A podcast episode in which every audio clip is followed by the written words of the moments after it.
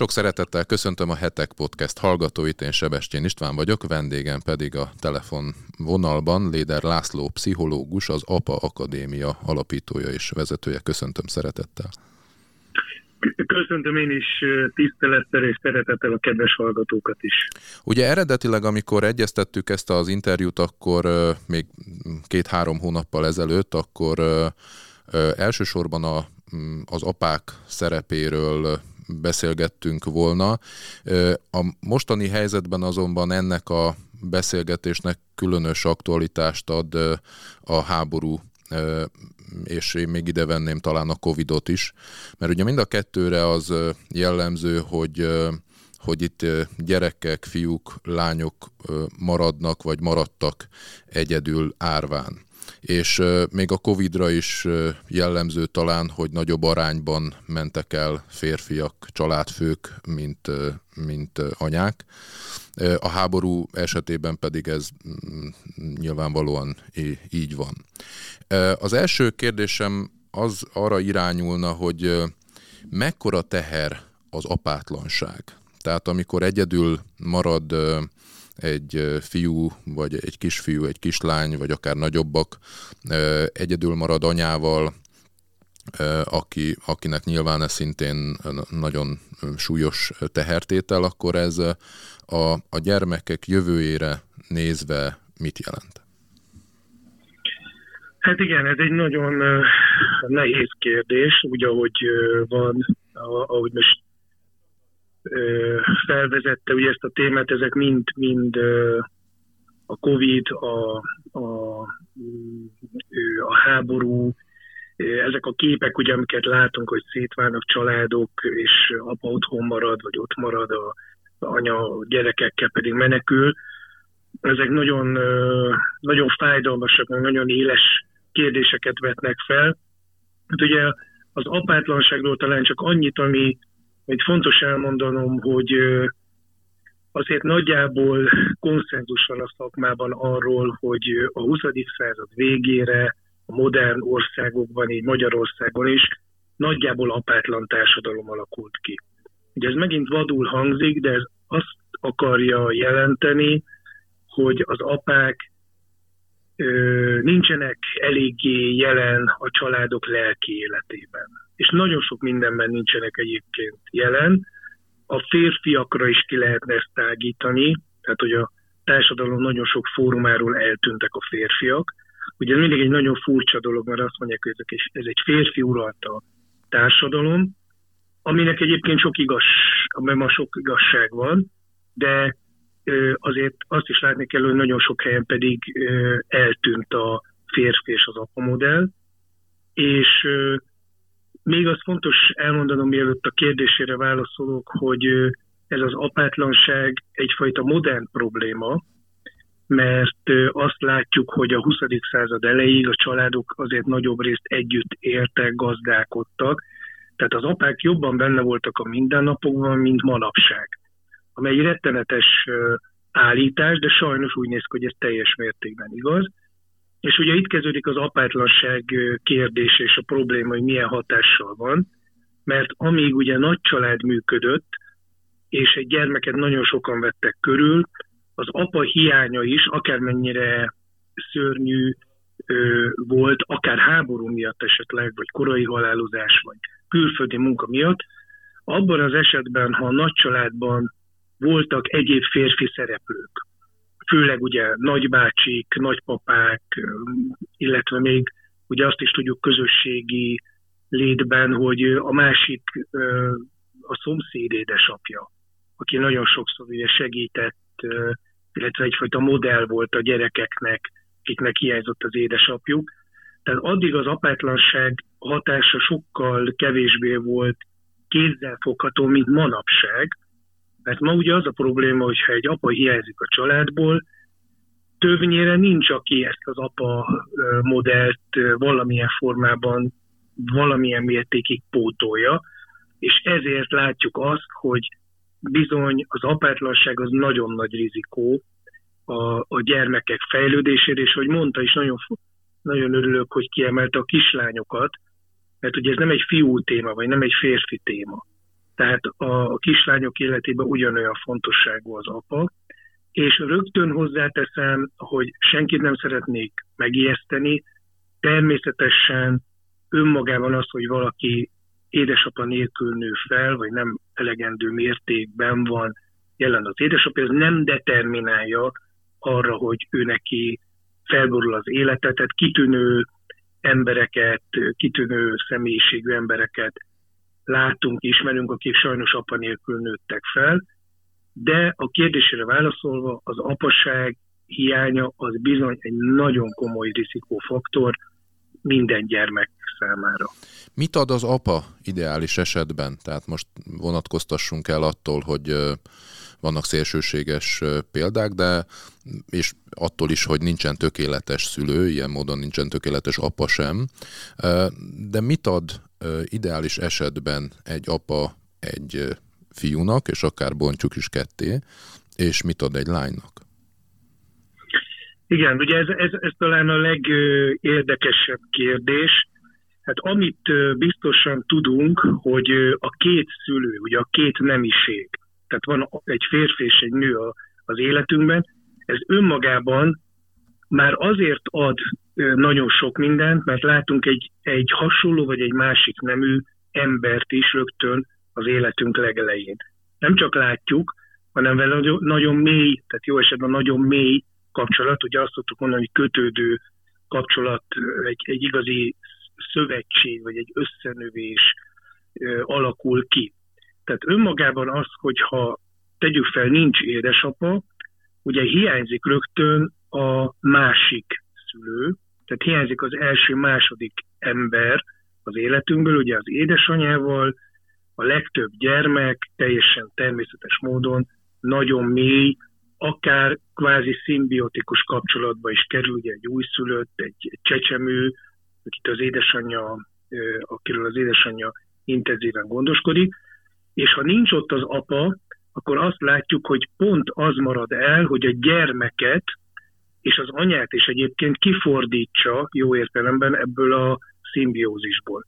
Tehát a gyermek tényleg megszülessen úgymond másodszorra is, tehát ne csak az anya testéből kerüljön ki, hanem kitekintsen ebből a kapcsolatból a gyermek, hogy nem csak anya van, hanem itt van a külvilág, itt van apa, és ez meghatározza egyébként hosszú évekre vagy évtizedekre egy apa feladatát. Azt látjuk, hogy egy apa a kapcsolat a külvilággal. Tehát az apa képviseli a mi társadalmunkban is a, a társadalommal való viszonyt. Tehát amilyen egy apának a kapcsolata a külvilággal, az nagyon mély hatással van a gyerekekre. Hm.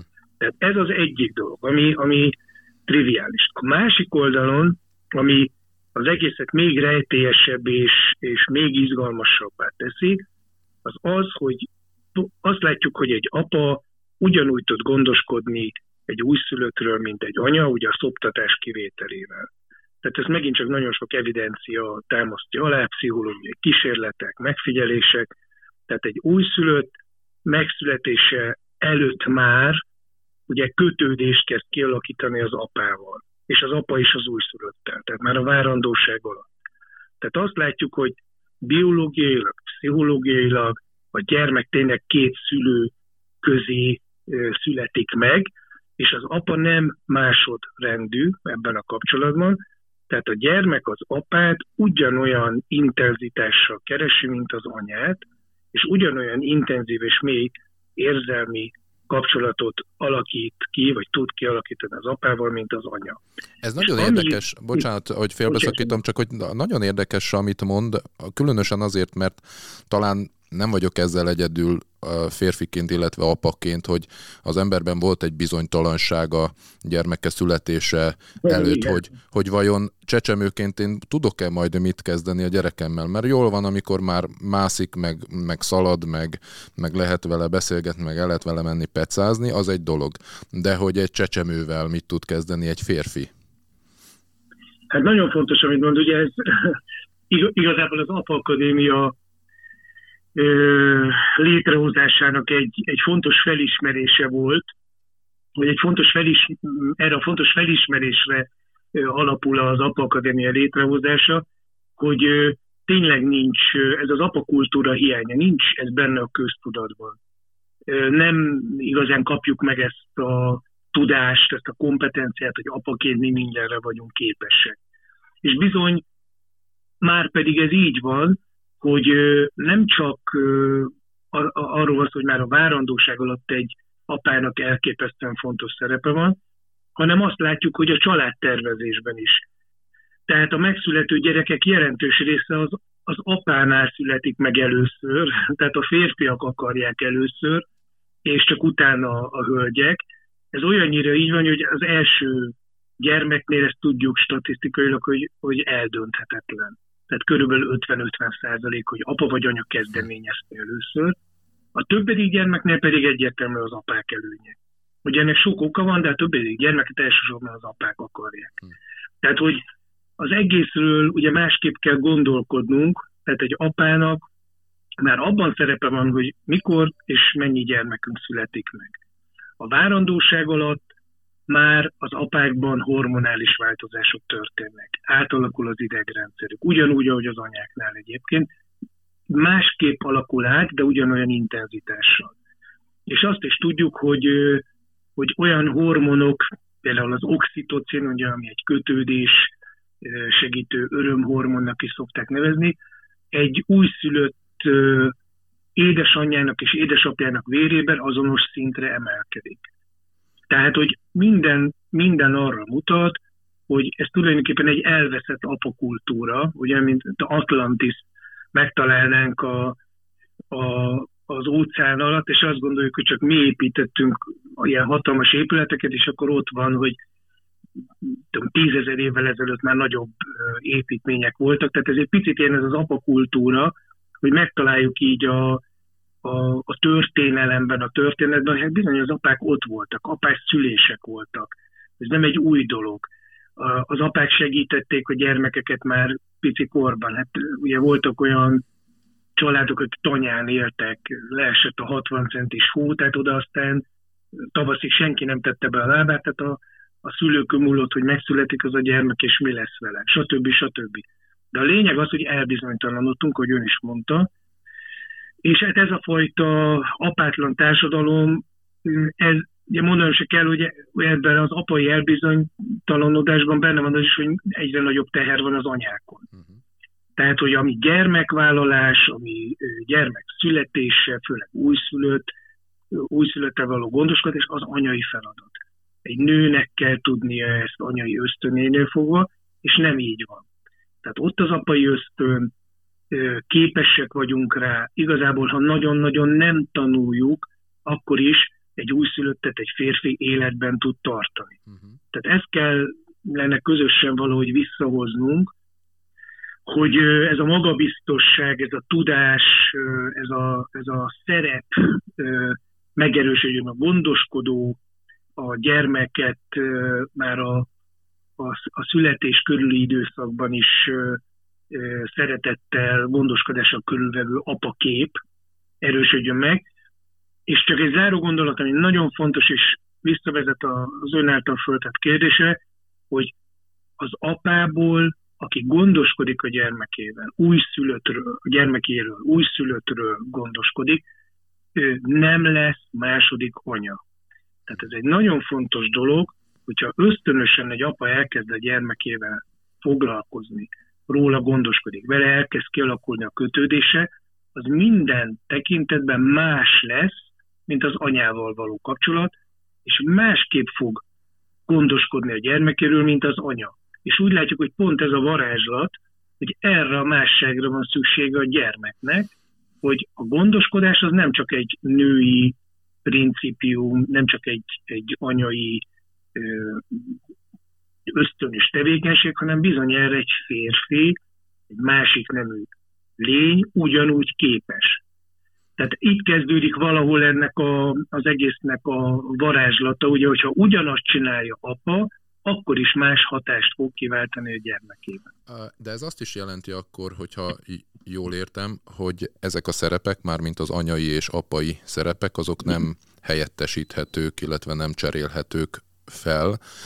Ezt azért is terveztem kérdezni, mert ugye a férfi, illetve női szerepekkel kapcsolatban zajlik egy vita, hogy akkor ezek most hogy viszonyulnak egymáshoz, meg egyáltalán, hogy, hogy van, hogy mit jelent az, hogy valaki nő, és mit jelent az, hogy valaki férfi, de ugyanígy fennáll ez a kérdés azzal kapcsolatban is, hogy mit jelent az, hogy valaki anya, és mit jelent az, hogy valaki apa, és itt visszatérnék ahhoz a kérdéshez, amelyre adott válaszát én félbeszakítottam sajnos, tehát hogy, hogy mit ad egy apa a, a családba, mit hoz olyat, amit az anya nem tud, és ez hogyan hat a fiúkra, és hogyan hat a lányokra. Ugye egyet említett, vagy egy mm, ö, dologig jutottunk, hogy a külvilághoz való kapcsolatot ö, jelenti elsősorban az apa, de mit még? Hát természetesen a nemi és a társadalmi modellt. Ugye, tehát ez egy, ez egy teljesen egyértelmű dolog, hogy egy apa egy kislány számára is, és egy kisfiú számára is nagyon erősen segíti a nemi identitásának és a társadalmi identitásának a kialakulását. Most természetesen anya is segített, félreértés ne essék, de anya apa nélkül erre csak részben képes, vagy nem, vagy nem képes. Ezt sajnos ki kell jelentenünk, ugye nagyon sok gyermekét egyedül nevelő édesanyával is kapcsolatban vagyok, ezt ők mondják ki. Tehát ez nem vád, inkább egy, egy fontos diagnózis, hogy ne várjunk ilyet az édesanyáktól, mert ha belefeszülnek, sem képesek erre, és ebből csak baj lehet, ha ők mondjuk a férfit is helyettesíteni, a férfi modellt helyettesíteni szeretnék. Tehát ez egy nagyon fontos dolog, hogy, hogy igenis a nemi modellt az adja át, hogy két szülő van mellettünk. Ugye a lány számára az első más nemű, a fiú számára pedig természetesen a saját, saját identitása nemiség kérdése. Tehát ez, ez én azt gondolom, hogy talán ez a legfontosabb, és ennek ugye aztán mindenféle formája lehetséges, ahogy fejlődik egy gyermek, de ez fontos hozzátennem, hogy ugye ez a gondoskodás is, ahogy fogalmaztam is, például nagyon sok ösztönre épül, és ha mondhatok egy érdekes kísérletet, csak hogy megvilágítsam ezt, ez úgy néz ki, hogy édesapáknak bekötötték a szemét a gyermekük megszületését követően, és letettek két újszülöttet eléjük, és tapintás alapján, illetve hát ugye sejtjük, hogy valószínűleg valamilyen szag minta is lehet a dologban, a feromonok, ki kellett választani a saját újszülöttjüket, hogy melyik az ő újszülöttjük. És az apák százszerzalékos biztonsággal kiválasztották, hogy becsukott szemmel, hogy melyik az ő gyermekük, illetve hogy, hogy ez hogy alakul, van egy másik kísérlet, ahol az édesapák melkasára helyeztek újszülötteket, ez egy tájvani klinikán végzett kísérlet, 15 percre naponta, teljesen random módon. Tehát bizonyos édesapák melkasára oda tették a saját gyermeküket, akik különösebben nagy dolgot nem csináltak, ott al- aludt a gyermekük békésen. Majd megnézték, hogy ezek az apák hogyan viszonyulnak ezekhez a gyermekekhez, és teljesen egyértelmű volt, hogy ezek között a gyermekek és apák között sokkal mélyebb kötődés alakult ki, akiket egész egyszerűen oda tettek a melkassukra. Ugye ezt mondjuk is, hogy bőrkontaktus, vagy viccesen szoktuk a férfi bőrkontaktusra mondani, hogy szőrkontaktus, ösztönösen belobban az apa-gyermek kapcsolat. Hm. Tehát azért is fontos hangsúlyoznom, mert a gyermekek is ösztönösen mást várnak el az apjuktól, és mást várnak el az anyjuktól, és ez alakítja is az apai és az anyai szerepünket.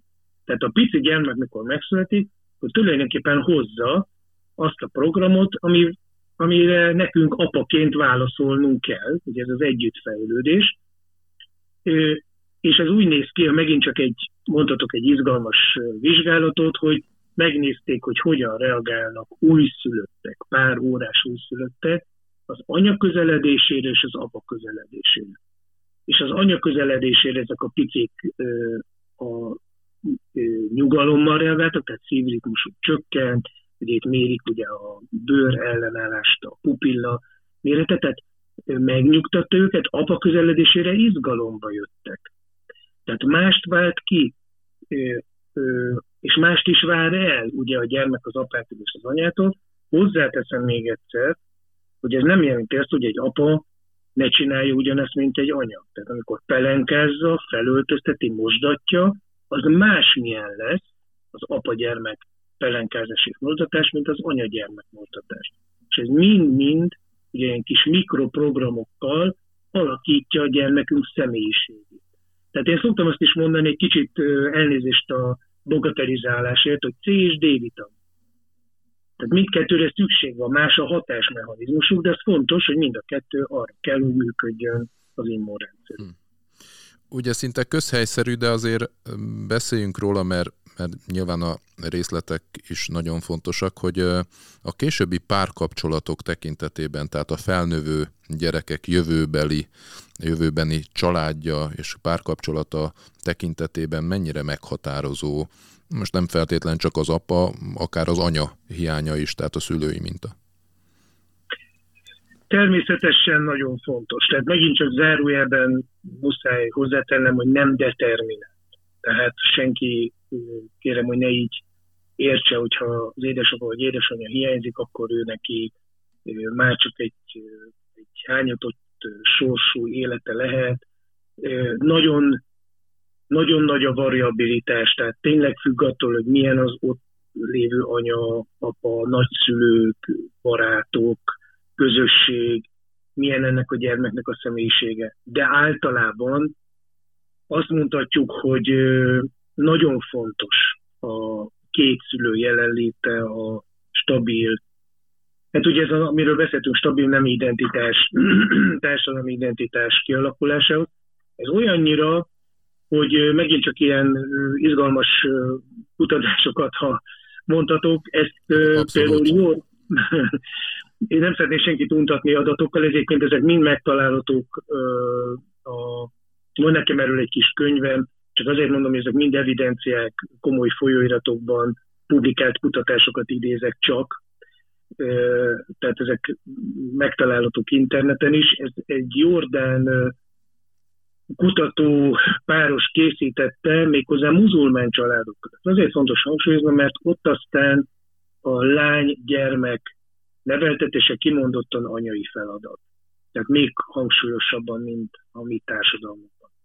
És az volt a kérdésük, hogy vajon kimutatható-e egy korai apa-lány kapcsolat minősége és a lányok későbbi házassága között valamilyen kapcsolat és bizony megdöbbentő módon teljesen egyértelmű volt, hogy azok a lányok, akiknek jó emlékeik vannak az édesapjukról, jó a kapcsolatuk, jó volt a kapcsolatuk kisgyermekkorukban, szerencsésebb házasságot választottak, elégedettebbek a házasságukkal, tehát magyarul jobban megtalálták a párjukat, saját magukat is egy, egy házasságon belül. Tehát ezt jól látjuk, hogy ez végigvonul a, a gyerekek egész életén, hogy például azok a kislányok, akiknek jó az apjukkal a kapcsolatuk, tinédzser korban is sokkal védettebbek, sokkal kevesebb közöttük a problémás kapcsolatba belépő, a, ugye kevesebb az áldozat, kevesebb a tinédzser terhesség, stb. sorolhatnánk. A fiúknál pedig nagyon érdekes módon azoknál a fiúknál, akiknek ugye jó az apjukkal a kapcsolatuk, azoknak jobb az iskolai teljesítményük, tovább végzik az iskolát, sokkal, tehát radikálisan kisebb az esélye, hogy összeütközésbe kerülnek a törvényjel, tehát hogy valamilyen kisiklás történik az életükben. Tehát sorolhatnánk, hogy az apa szerepe a családban milyen formákban stabilizálja azt, hogy jól érezzük magunkat a bőrünkben, ugye emberként, férfiként, nőként, és megtaláljuk a hangot a másik nemmel, a saját nemmel is természetesen, tehát a barátokkal, a, a saját majd később ugye fiunkkal, esetleg apaként vagy nőként kislányunkkal. Tehát akár merre nézünk, azt látjuk, hogy ebben bizony az apának kimagasló és nagyon fontos szerepe van. Mindaz, amit elmondott, és amiről itt beszélgettünk, az még hangsúlyosabbá teszi azt a megjegyzést, amit még az elején mondott, hogy eltűntek az apák, eltűntek a férfiak. És hogy nem csak a családból, hanem a társadalom bizonyos szegmenseiből is. De hova tűntek? Hát ugye ez az én nagy bánatom, fogalmazhatok így, hogy a férfi egy ilyen GDP termelő lényé, nem is tudom, egyszerűsödött. Tehát ugye az a kép, hogy egy férfinak kell eltartani a családját, és a férfiaknak kell több pénzt keresni, és eleve ugye a családos díj, iskolás díj az egy női feladat, tehát a férfi az védje meg a családját a külvilág szörnyűségeitől, de nem az a lényeg, hogy ott legyen, és foglalkozzon velük, vagy nem úgy, és nem annyit. Mert ez sajnos egy teljesen téves családképhez, sőt egy teljesen téves munkamagánélet kultúrához vezetett. Hm. Tehát ugye én mind férfiak, mind nőkkel foglalkozom, de hát az, hogy az apák második mondata az a panasz, hogy bárcsak ne kéne ennyit dolgozni, meg ilyen messze lenni a családtól, ez teljesen általános. Uh-huh. Tehát, és tudjuk is, nagyon sok kutatás van most már szerencsére, hogy ha megkérdezik a férfiakat, például van egy nagy berlini kutatás, akkor a 70%-uk azt mondta, hogy ő bizony sokkal kevesebbet szeretne dolgozni, és többet lenni a családjában. Hmm. Tehát, hogy ez, ez, ez egy, ugye az, a, az már csak a dupla ostobaság, ha azt gondoljuk, hogy hát a férfi eleve ilyen. Uh-huh. Szereti, hogyha nem neki kell a gyerekkel foglalkozni, meg akarja valósítani magát. Ez egyáltalán nincs így. Tehát én azt gondolom, hogy ez, ez hozna el a, a nemek közötti legjobb értelemben vett egyenlőséget is, ha például a gyermekgondozás, a családmenedzsment, ugye csúnyán mondjam, kérdése az nem női feladat lenne a társadalmunkban, hanem szülői feladat. Ugye ma azt mondjuk, hogy egy anyának kötelesség, egy apának lehetősége, hogy a gyerekekkel foglalkozzon, és ez így nincs jól. Tehát egy gyermeknek szüksége van a két szülőre, főleg ugye, amiről beszéltünk, hogy ma már nincsenek nagy családok, tehát ez a két szülő az nagyon sok szerepet betölt. Tehát innen kéne valahogy visszafordulnunk. Egyébként vannak erre utaló pozitív jelek, ha csak megnézzük, hogy az elmúlt években, de tényleg pár év alatt a nyugat-európai országok nagy részében elkezdtek az apáknak szülési, szülőségi, apai szabadságot adni. Igen, Magyarországon is van ilyen. Magyarországon csak néhány nap is, de... Sajnos, de sajnos, néhány, uh-huh. sajnos néhány nap. Nagyon fontos lenne, hogy ez sokkal több legyen. Ugye az irodalom azt mondja, szakirodalom, hogy ez az egy hónap, a kritikus időszak.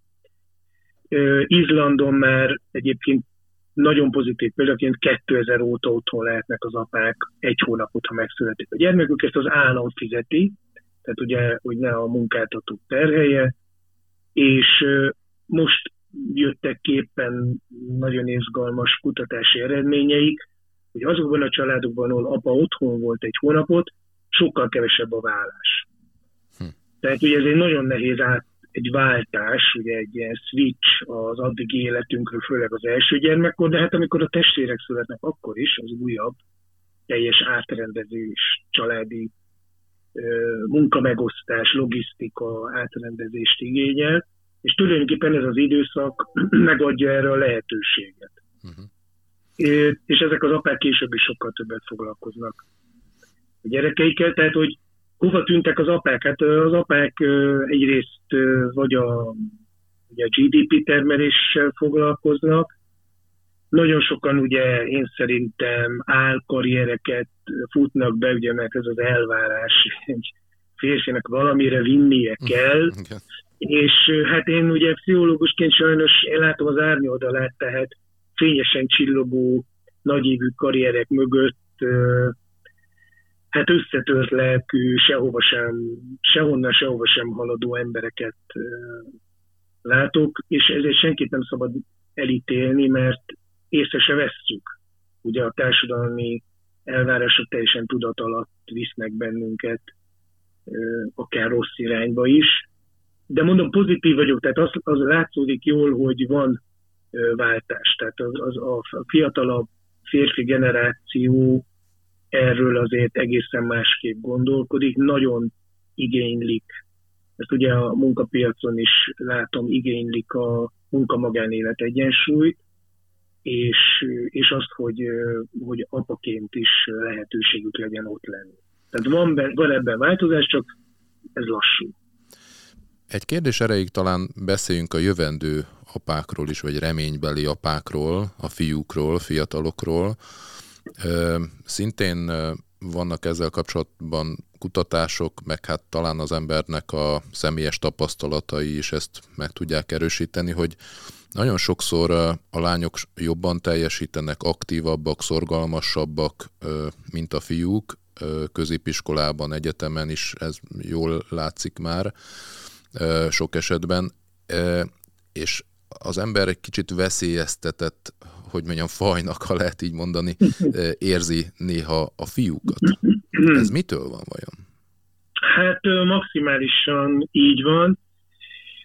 Ugye ez a, az apátlan társadalomnak a teljes, tehát ez az apátlanság mindenre igaz, legfőképp a nevelési és oktatási intézményeinkre. Tehát sajnos a családjainkra, és aztán ugye ezek az apátlan, lelkileg apátlan generációk bemennek a férfiak nélküli iskolarendszerbe, vagy nevelési rendszer.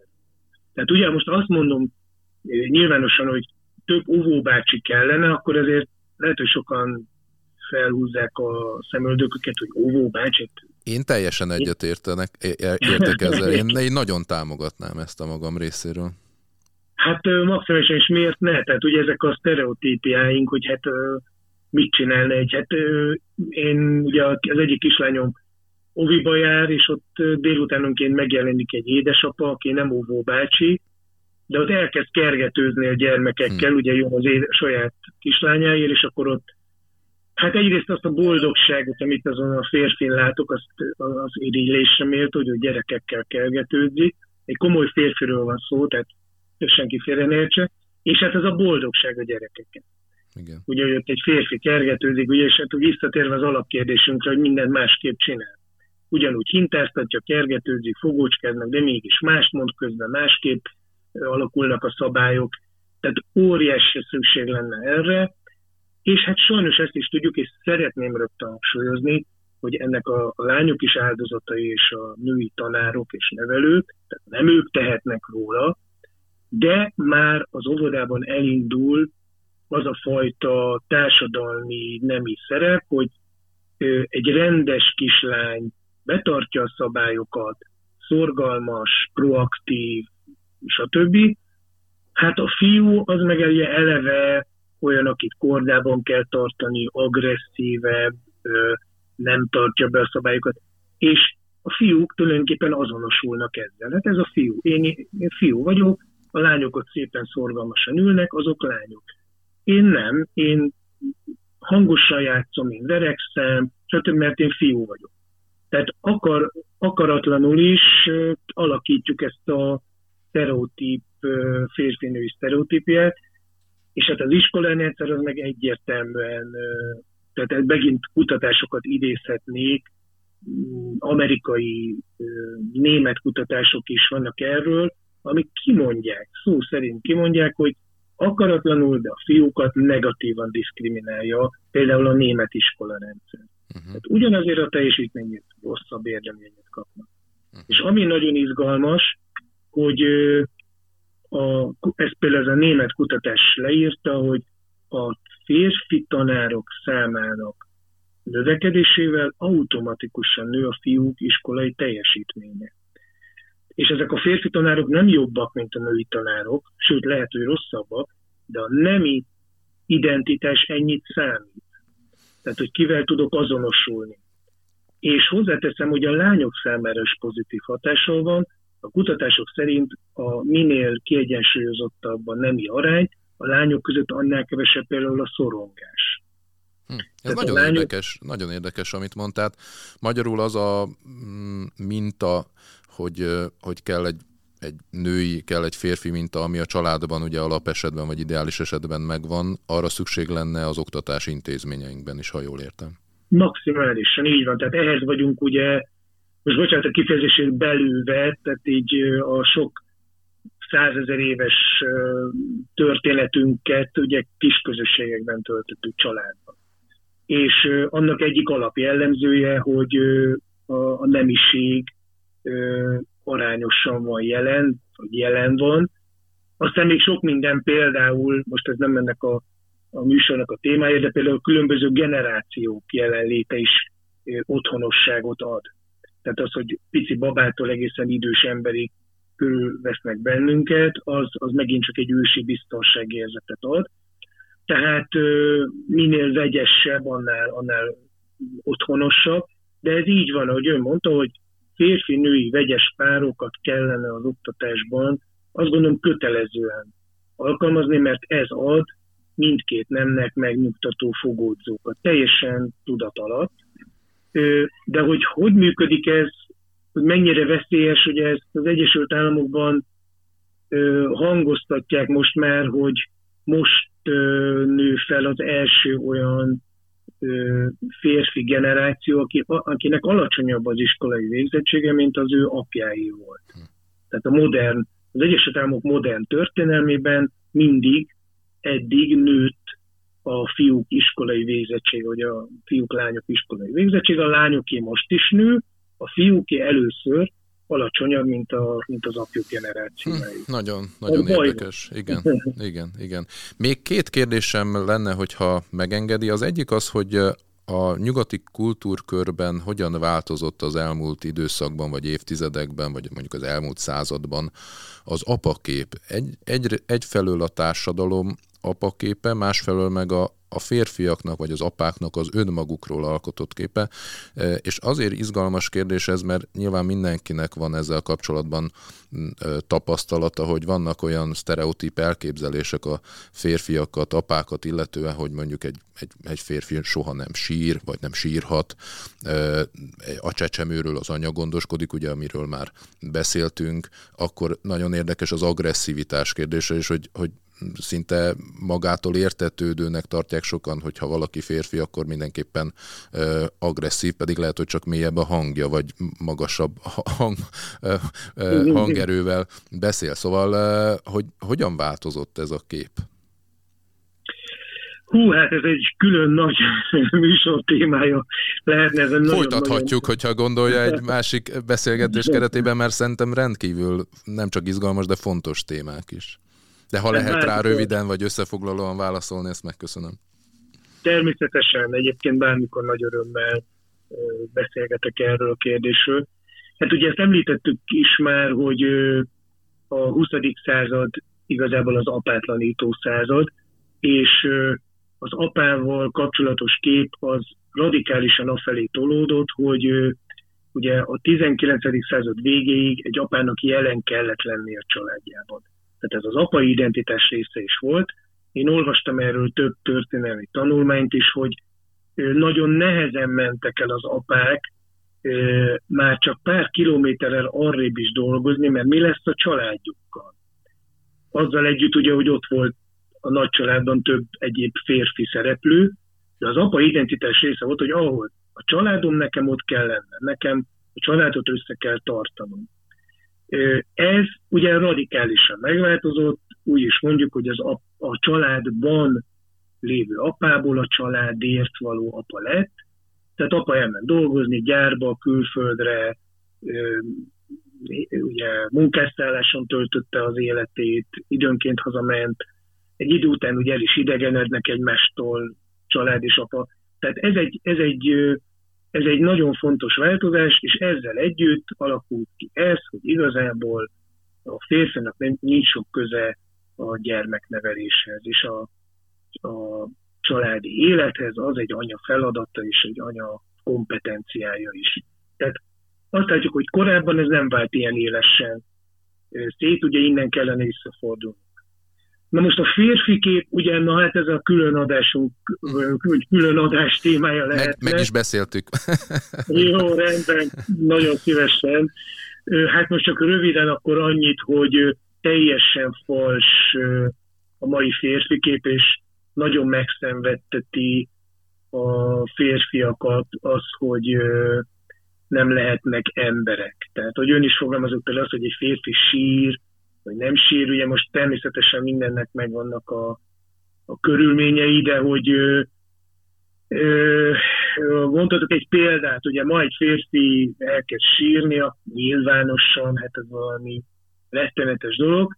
Mindig hozzá szoktam tenni, hogy ott voltak a kemény katonák, szörnyű dolgokon mentek keresztül, nem mondhatjuk, hogy nem volt kitartás bennük, és akkor az a katona tiszt, vagy Baka beült ugye a kocsmába, a cigányzenére, és végig sírta az éjszakát énekelve reggelig. Tehát, hogy megvolt a fórum, ahol kiengedhették a gőzt, uh-huh. ami például a legtöbb férfi számára, én ezt pszichológusként is látom, egész egyszerűen nem létezik. Uh-huh. És ugye belebetegszenek a férfiak ebbe, hogy egy ilyen hamis, macsóskodó szerepben kell részt venniük, vagy szerepet kell betölteniük. A másik, hogy megint csak visszatérve az apasságra, ami nagyon-nagyon sokat segít a férfi identitáson. Ugye az férfiak nagy része itt érzi meg, hogy milyen gondoskodó, szerető, a gyermekeiért lemondásra képes, felelős férfinak lenni, agresszió, keménykedés, mindenféle áll, férfi viselkedések nélkül.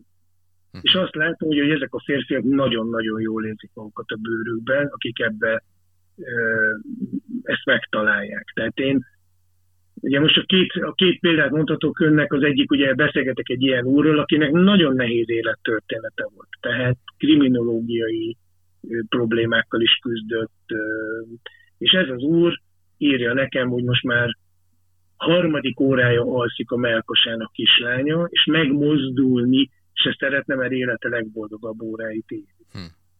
Ugye, de ez a férfi ezt a kisgyermeken nélkül lehet, hogy soha, soha nem éli meg. Igen. Milyen ez a, ez a finomság. És hogy milyen mélyek ezek a sztereotípek, ez pedig a saját példám, utolsó mondatnak, ez úgy néz ki, hogy én a, az egyik tó partján alszom a kislányom, illetve vigyázok az alvó másfél éves kislányom, még a feleségem bent van a nagylányommal a vízben. Hát én, én is boldogsággal körülvéve ott olvasgatok, nézegetem őt, és egyszer csak elkezd ébredezni. És hát mit csinálok? Én szeretem. Apa, elkezdem pusztilgatni, és elkezdem cirógatni, majd hirtelen belém csap a felismerés, hogy úristen, hát mit csinálok én itt nyilvános helyen, hm. mit szólnak az emberek, én itt pusztilgatom a kislányom és cirógatom. Tehát érti ugye a példát, Abszolút. hogy én, aki ezzel foglalkozom, én bennem is mélyen ott megszólal egy, egy vagy meg, megmozdul egy bilincs, hogy hát egy férfi ilyet nem csinál, Igen. mit puszilgatja a kislányát. Igen. És, és én azt gondolom, hogy erről érdemes beszélnünk, mert nagyon sok párkapcsolatot, apa-gyerek kapcsolatot és nagyon sok férfi egészséget meg tudnánk menteni, ha erről, ha erről többet beszél. Olyan ajtót nyitott ki, amin muszáj lesz, hogy bemenjünk, majd rengeteg kérdés jutott itt menet közben eszembe, de ebbe a beszélgetésbe még egy rövid kérdést behoznék, ez pedig a generációk közötti távolság, ami egyrészt abból is adódik, ugye, hogy a, amit, amiről beszéltünk, hogy a, az apák eltűntek, a másik, amit gondolom, hogy meg lehet erősíteni szakmai szemmel is, hogy a technológia fejlődése is növelte ezt a távolságot. Én arra szeretném kérni, hogy, hogy praktikus oldalról közelítsük meg, tehát mit tehet egy apa annak érdekében, hogy lehet, hogy már nagyon távolra került a gyerekétől vagy gyermekeitől különböző okoknál fogva, de mit lehet tenni azért, hogy ez a távolság csökkenjen? Sosem késő, ezt komolyan gondolom. Én nagyon sok mm, apagyermek újra egymásra találást látok, de ezt el is neveztem apagyermek reneszánsznak. Valóban olyan, mint egy, mint egy újjászületés. Olyan édesapáknál is, akik nem voltak jelen a gyermekük életében. Nagyon érdekes, hogy amikor felnőtté válnak például a gyermekeink, és párválasztás vagy gyermekszületés a téma, nagyon sokszor újra odafordulnak az apához.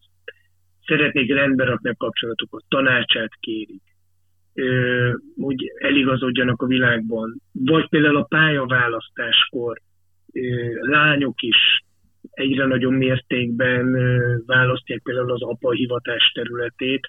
Tehát vannak ilyen pontok a felnőtt vagy már nagy gyerekek életében is, amikor igenis apa tehet azért, hogy ez a kapcsolat rendeződjön.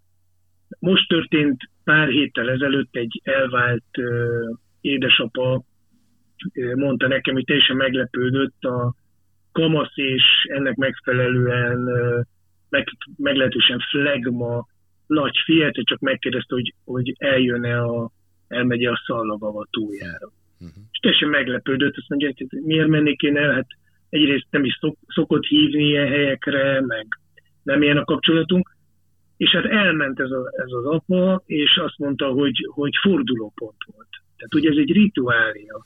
Szallagavató az például azért mégiscsak egy, mondjuk így egy beavatási szertartás, egy felnőtté válási modern szertartás. És, és a fiúban megmozdult valami, és megszólította az apját. És az apja erre jól reagált, és, és nagyon sokat segített a kapcsolatukon. Tehát ez, ami, ez, ami, ez az én jó hírem, hogyha szabad ilyet mondanom, hogy, hogy igenis, ha egy picit akarjuk ezt, akkor az élet nagyon sok lehetőséget feldob, hogy újra kapcsolódjunk. Tudok olyan hölgyről is, aki mielőtt elköteleződött és gyermeket vállalt, az édesapával való meglehetősen hideg kapcsolatát szerette volna rendbe rakni, és rendbe is rakta. És úgy érezte, hogy akkor ez neki óriási muníció ahhoz, hogy, hogy ő most gyermeket vállaljon. Tehát hihetetlen, mikre képesek ezek a beragadt apa-anya képek a lelkünkben. A pici gyermekes családoknak, akiknek ugye sokat kell dolgoznia, pedig tényleg csak azt tudom mondani, hogy valahogy muszáj ott lenni, tehát nem lehet megúszni, nem lehet mindig egy fáradt este hazaeső, frusztrált apával találkozni, munka-magánélet egyensúly. Felelősségünk, hogy alakítsuk, nagyon sok jó példát látok. Tehát édesapák még munkahelyet is változtatnak, lakhelyet változtatnak azért, hogy pici gyerekeikkel többet lehessenek, és a praktikus tanácsom pedig az, hogy játék, humor, nevetés, olvasás, fürdés, mindenféle szuper-hiper programok nélküli apai jelenlét óriási érték a gyerekeink számára. És ez például, hogy, hogy ha fáradt egy édesapa, és nagyon kimerült, kezdjen el a kisgyerekével játszani este. Egy picit vigye, vigye bele a saját humorát, saját élményeit, tehát hogy neki is jó legyen. És én sok ilyet látok, hogy édesapák úgymond rákattannak erre, és alig várják, hogy hazaérjenek, és végre a gyerekükkel a szőnyegen ott játszanak, mert, mert az, az ő számukra is egy kis kikapcsolódás. Hm. Azt gondolom ez végszónak is kitűnő, azzal a lábjegyzettel, hogy akkor, hogyha megoldható, akkor a részünkről lenne folytatás. De nyilván ezt majd műsoron kívül megbeszéljük. Én nagyon szépen köszönöm Léder László pszichológusnak, az APA Akadémia alapítójának és vezetőjének, hogy rendelkezésünkre állt ebbe a beszélgetésbe most tehát ennyi fért, és nagyon köszönöm a hallgatóknak is a figyelmet. Ez a beszélgetés egyébként a heti labban, tehát a hetek című heti labban is meg fog majd egy írott verzióban jelenni. Köszönöm még egyszer a figyelmet, és viszont hallásra. Köszönöm szépen én is.